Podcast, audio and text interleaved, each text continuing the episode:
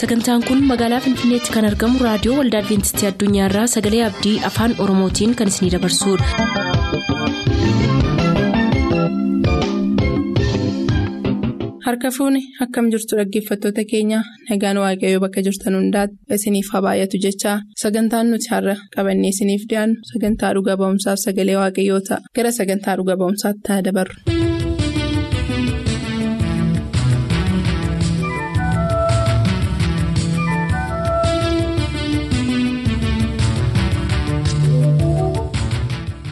Harka fuune kabajamtoota dhaggeeffatoota sagalee abdii akkam jirtu? Nagaan keenya bakka jirtan hundumaatti isin haa qaqqabu.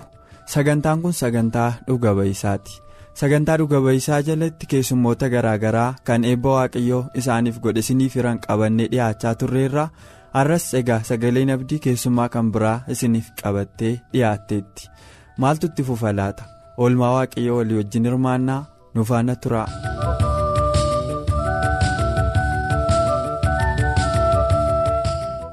Meegaa dhaggeeffatoonni maqaa keessan baruu barbaadu sagantaa dhuga ba'isaa keenya jalatti yeroo mara keessummaa qabanneeti. Kan nuti dhiyaannu keessummootni keenya of beeksisaniiti. Kan isaan dhuga ba'isa isaanii itti fufan. Kanaaf mee maqaa keessaniif bakka dhuftan dhaggeeffatoota keenya beeksistu. Fayyaa ishii. Galatoomaa waaqa maqaa waaqayyoo sagalateeffamu. Maqaan koo magarsaa nyaaroo jedhama. Kanan dhufe wallaggaa lixaa magaalaa gimbii waldaa adventistii guyyaa torbaffaa magaalaa gimbiitti maqaa maacheetti jechuudha.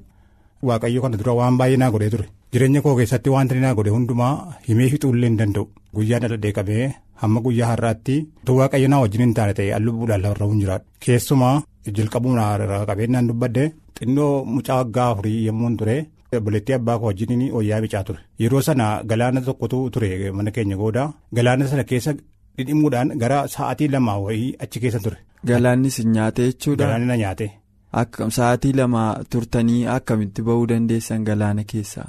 Sana booddee obboleettiin abbaa kootii suni gara mana dhaqxee na barbaaddee ollaas na barbaaddee iddoo hundumaa gaafa na barbaaddee abduu sana booddee garaa kutannaadhaaf bishaan sana keessa dhuftee na ilaalte yommuu bishaan sana keessa dhuftee na ilaalteettu anachi keessa ciisan jira waan ta'eef qabdeechi keessa ol labaafte waan tokko hin taane bishaan bichaa garaa na guute malee somba kootti hin namne waaqayyo lubbuudhaan na hambisee kunoo sa'aatii kana ga'eera.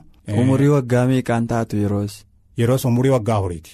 Yeroo umurii waggaa afurii hin taate ilmaamaan. Akkasumas immoo waaqayyo waan guddaa isa keessa dabarsee ture. Keessumatti immoo waggaa lamaan har'aa isa fuuldura gara waggaa shanii kan ta'u waggaa lama fuuldura jechuudha. Dhibeen tokko na qabee ture.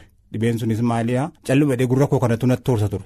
Gurra kana natti tursa ture. Mana kiimiin nu mannaqaa inni eessa deemaa as gara finfinnee kana yeroo lama yeroo sadiidhaan dhufa. Raajina kaasuu waan adda addaa naa godhuu keessa naa miicuu waan tokko argamuu hin dandeenye. Dhumarratti gaafa gara gimbiitti deebi'ee otuma hojii hojjedhu guyyaa tokko hojiin naqee akkuma koo durii manaa ba'e. Gaafa manaa ba'ee karaa deemu gidduutti karaa walakkaa gaafa mana biiroo bukkee ga'uuf jedhu.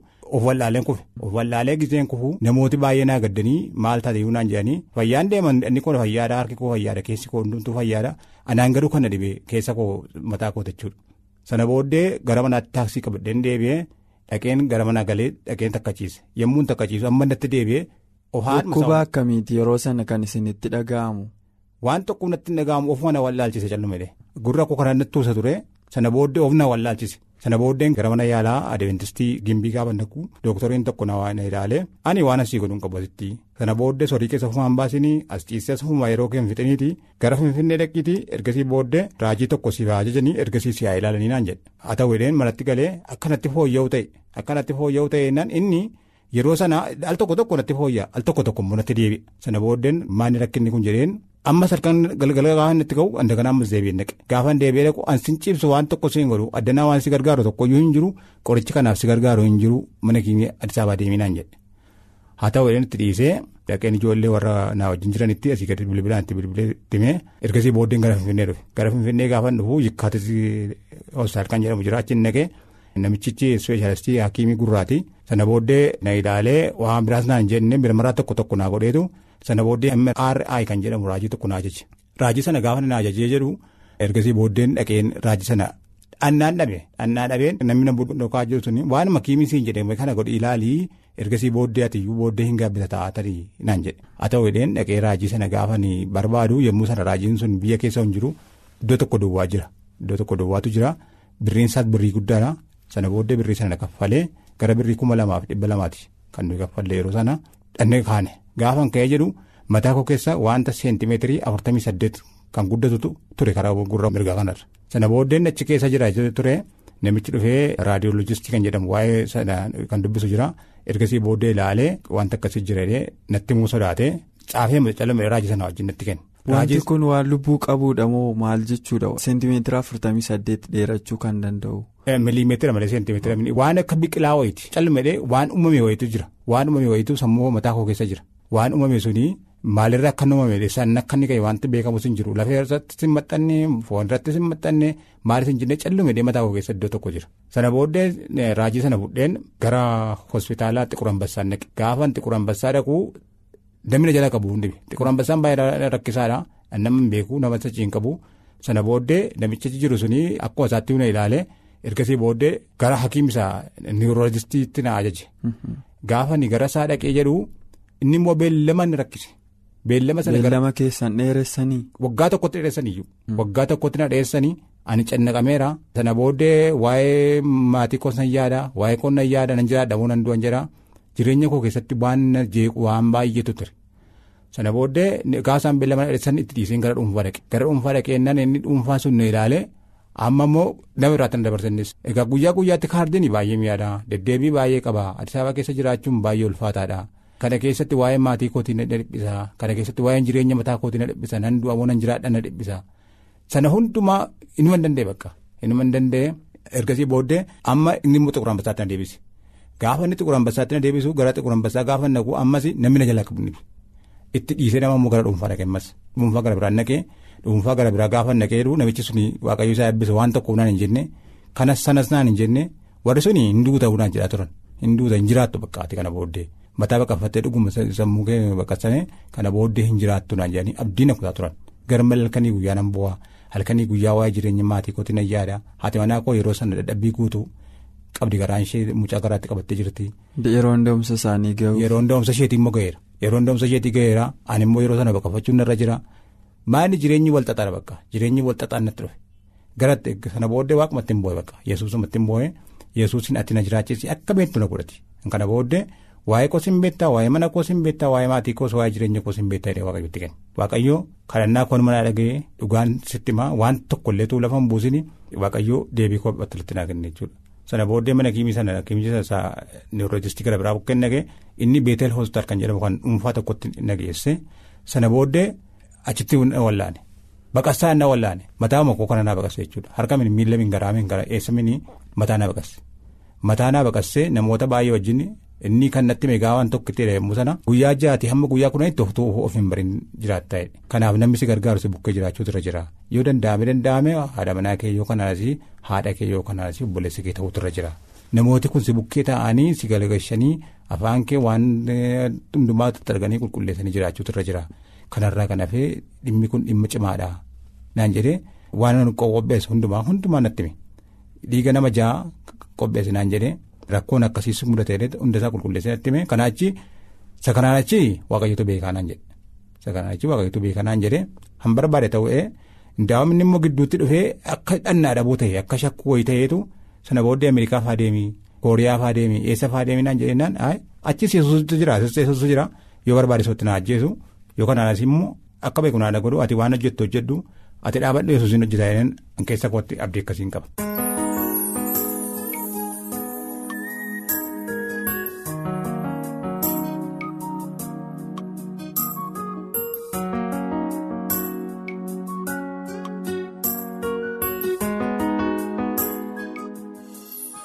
Kabajamtoota dhaggeeffatootaa obbo Magarsaan wallaalummaa isaaniitti bishaaniin nyaatamanii sa'aatii lamaa ol kan ta'uuf bishaan keessa turaniiru. Erga waaqayyo isa isaan oolche immoo umuriin isaanii nama guddaa erga ta'anii dhukkuba ulfaataadhaan qabamanii hospitaala seenaniiru. Ogeessi sammuu baqaqsu meeshaalee tottolfatee waan isaan bira dhaabatu fakkaata. Yeroo hafte kanatti maaltu ta'a laata? Torbee itti fufnaa nagaan nuuf tura.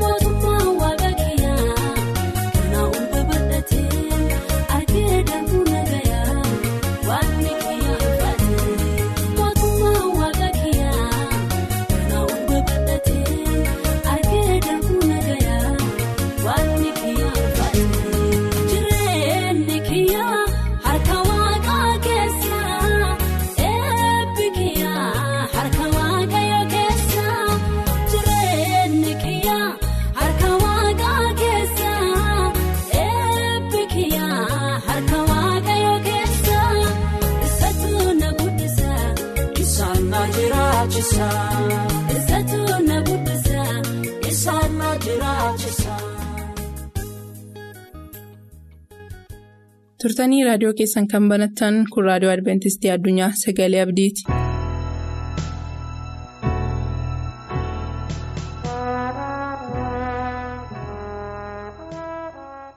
Hordoftoota raadiyoo Adventistii addunyaa hundumaaf nagaan gooftaa keenyaa fayyisaa keenya yesus Kiristoos isiniif haa baay'atu. Yeroo kanaa duraan dursinee mataa keenya bakka jirrutti gadi qabachuudhaan waaqayyoon hin kadhanna. Yaa jaallatamaa qulqullaadhaaf garraamii abbaa keenyaa isa waaqarra jiraattu guddaa nu jaallachuu keetiin bifa fakkeenya keetiitti kan nu uumte nu fayyisuudhaaf jaalala guddaa nu qabaachuu keetiif tokkicha ilma kee yesus kiristoosiin kan nuuf laatte kan nu fayyifte kan nu jiraachifteef har'a immoo sagalee kee akka dhageenyu waan gooteef galanni siif haa ta'u. Cubbuu keenya hundumaa nuuf dhiisi. Sagalee keetiin yeroo kanatti immoo kottuu garaa tokko tokko keenyaatti dubbadhu. Maqaa fayyisaa keenya yesuusiin si kadhannaa. Ameen. jallatamoo hordoftootaa mata dureen har'a isinitti dubbadhu kiristoosiin eenyu jettu kan jedhu gaaffii ta'a yeroo tokko yesus bartoota gaaffii jabaa tokko gaafate gaaffii isaa keessatti namooti anaan eenyu jedhu isinoo eenyu naan jettu kan jedhu gaaffii luqaas boqonnaa kudha sagal lakkoofsa kudha saddeetii ka'ee argannu utuu inni gaafatu argina. Gaaffii kana deebisuuf kanneen jabaa ta'an wanta lamatu jira. Tokkoffaa bartoonni akka itti namooti yesuusiin hubatan beekutu irra jira. Lammaffaa bartoonni akka itti ofii isaanii yesuusiin hubatan ibsutu isaan barbaachise. Bartoonni akka itti namooti yesuusiin hubatanii yeroo himan Luqaas boqonnaa kudha sagal lakkoofsa kudha sagal keessatti akkas jedhan. Inni kaani Yohaannis Cuuphaa kaanis Eliyaas warri kan biroon immoo raajota keessaa isa tokko jedhanii deebisaniif. yesus deebii bartoota kanaan kan morme tokko iyyuu hin qabu. Iddoo kanatti dheeraa dubbachuu hin barbaanne. Gaaffinni irra deebi'ee gaafate bartoota isin eenyuun anaan jettu kan jedhu ture. Inni garuu yommuu kana gaafatu namootaa fi bartoota gidduu hubannaa isaan waa'ee yesuusiin qaban addaddummaan jiru maal akka ta'e sirriitti beekuu barbaadeeti. Inni waan namooti waa'ee isaa jedhan qofaa beekuu utuu hin ta'in eenyu akka ta'e ofuma isaayyuu beeka ture. Kanaafuu bartoonni isaa immoo akkamittiin akka isa hubataniif gaafate. Simoon Phexros yeroo kana deebisee keessumaa akka Maatiyoos boqonnaa kudha ja'a lakkoofsa kudha ja'a irratti arginuti ati Kiristoos ilma waaqa jiraataatii jedhee deebiseef. Yeroo kana gooftaa yesus kana abbaa koo isa waaqarraatu sitti mul'ise ittiin jedhe. Haa ta'uyyuu malee kana caalaa itti fufee isaanii wajjin haasa'uu hin barbaanne. Kanarraa waan barachuun nuuf ta'u tokkotu jira. Tokkoffaa namoota attamitti yesuusiin hubatan. Lammaffaa nuyi bartoonni isaa immoo attamitti yesuusiin hubanna kan jedhudha. Gaaffiiwwan lamaan kana sirriitti yoo deebisnee namoota sirriitti yesuusiin barsiisuu hin dandeenya. Gaaffiiwwan lamaan kana sirriitti yoo hubachuudhaa baanne garuu sirriitti namoota yesuusiin hubachiisuu hin dandeenya. Namooti yesuusiin Yohaannis Eliyaas yookiin Raajii jedhan kun yaada isaaniiti. Hojiinsaa jara kanaan yoo wal fakkaate iyyuu inni isaan kana miti. Isaan kanas guddaa caala. Kanarraan waan baran of gaafachuu qabna. Innis namooti anaan maal jedhu kan jedhudha. Namni waan fedhe waa'ee keenya gaariis ta'e hamaa jedhuu hin danda'u. Haa ta'u iyyuu malee nuyi sirriitti ofii keenyaan yommuu waamnu ofii keenya beekuun barbaachisaadha. Yommuu ofii keenya waan Kiristoos fakkaatu fakkaachuu dandeenyu namootaafis sirriitti Kiristoosiin dabarsuu dandeenya jechuudha. Kun immoo yeroo sirriitti of beeknu sirriitti dadhaboo ta'uu keenya hubanna. Sirriitti dadhaboota ta'uu keenya yoo hubachuudhaa baanne Yesuusiin argisiisuu hin dandeenya. Yesuus immoo yommuu nuyi dadhaboota ta'uu keenya isatti himnu humna keenya ta'uusaa amanna. Yesuus dubbii kana bartootatti ergaa dubbatee booda guyyaa saddeet ergaa fixee Luqaas boqonnaa sagal 28 keessatti akka arginu Phexrosiif Yohaannisiif Yaaqoobii wajjin gaara gaara tokkotti ol ba'ee jedha. Gaarri kun eessa akka ta'e hin ibsamne garuu iddoo kana kan isaan dhaqanii fi kadhannaaf akka ta'e iddoo kana irratti 29 irratti hin dubbata. Kadhannaaf iddoo kana yommutti dhaqanii jedhanii caalaatti yesus bakka dura ture keessatti sirriitti waa'ee ofii isaatii isaanitti ibsuu lafa hin dandeenyetti amma iddoo kanatti yommuun waa'ee ofii isaatii sirriitti ofii isaatiitu hin ta'in abba biraa kan dhufe sagalee waa'ee isaa dhugaa ba'u argina. Bartoonni garuu yeroon kun ta'aa jirutti hin rafanii jedha macaafni. Har'as yesus nuuf jedhee fuula abbaa isaa dura jira. Akka bartoota isaa rafanii moo dammaqxee kadhachaa jirra kan jedhu gaaffii kootiif keessan ta'uu qaba. Yeroo yesus kadhate jijjiiramatu ta'e fuulli isaa ulfina waaqaatiin ni ife. In jijjiirames wayyaansaas akka jirbiin addaate in ife. Namni du'a hin argin lafa kanarraa samaayitti ol ba'e Eliyaas gaafa kana yesus biratti dhufee argame. Namni du'ee du'aa kaafame Museenis bakka kanatti dhufee argame. Yihudaa lakkoofsa galee yoo dubbifne iddoo kanarratti Museen Mikaa'el isa jedhame yesus yommuu inni du'aa kaasu seexanaa wajjin yommuu waliin mormuun ilaalla. Yesus gaaffii deebi'ee dhufuu michoota isaa kan ta'aniif hundumaa fi warra jiraatanii Eeliyaas akkuma jiraatti fudhatame deebi'ee gaafa dhufu fudhachuudhaaf akka jiru nutti argisiisa. Warra du'an immoo akka Musee kaase bara baraan mootummaa ulfina isaa keessa akka isa jiraachise du'aa kaasee gaafa dhufu fayyina keessa akka isaan taasisu abdii kenna. Phexros faa Yesus gooftaa ulfinaa akkasii ta'uu hubatanii gaara tulluu sanarraa galuu hin barbaanne. Kanaafis Phexros goofta asitti godoo sadii ijaarraa jedhe. Akka waan samii jiruutti itti dhaga'ame. Iddoon kun lafa kadhannaa walitti qabamanidha. michoota gooftaa maaltu isinitti dhaga'ama yeroo kadhannaadhaaf walitti qabamtan waaqayyo ulfina isaatiin kan itti argamudha moo waan biraadha. Phexros ammayyuu samii galuunsaa hin geenye. Ganaa biyya lafaa keessatti hojii guddaa hojjetu yesuusiif qaba.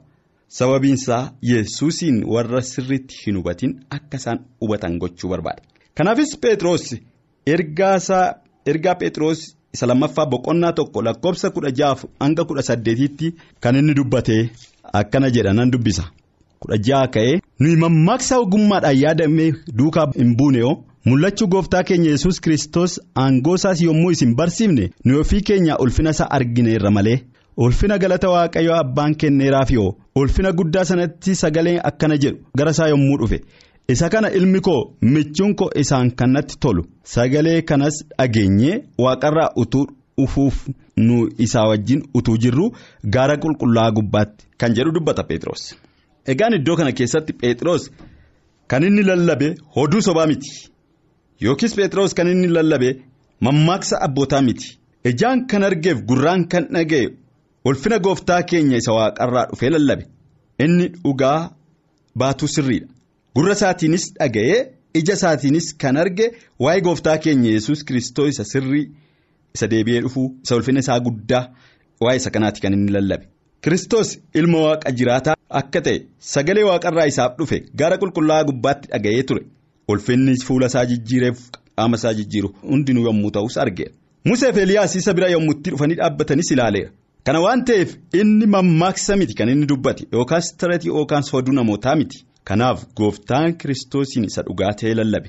Nus har'a jireenya keenyaanis ta'e dubbii keenyaan lallaba keenyaan gooftaa keenya yesus kiristoosiin isa dhugaa ta'e sana lallabuun nuuf ta'a. Jaallatamoo kabajamoota hordoftoota sagalee kanaa gooftaa keenya yesus kiristoosiin eenyuun akka ta'e beekuun keenya hundumaarra kan caalu ogummaa guddaadha kanaaf ogummaa kanatti qabamnee akka jiraannuuf waaqayyo hunduma keenyaa gargaaru maqaa isaatiin ameen.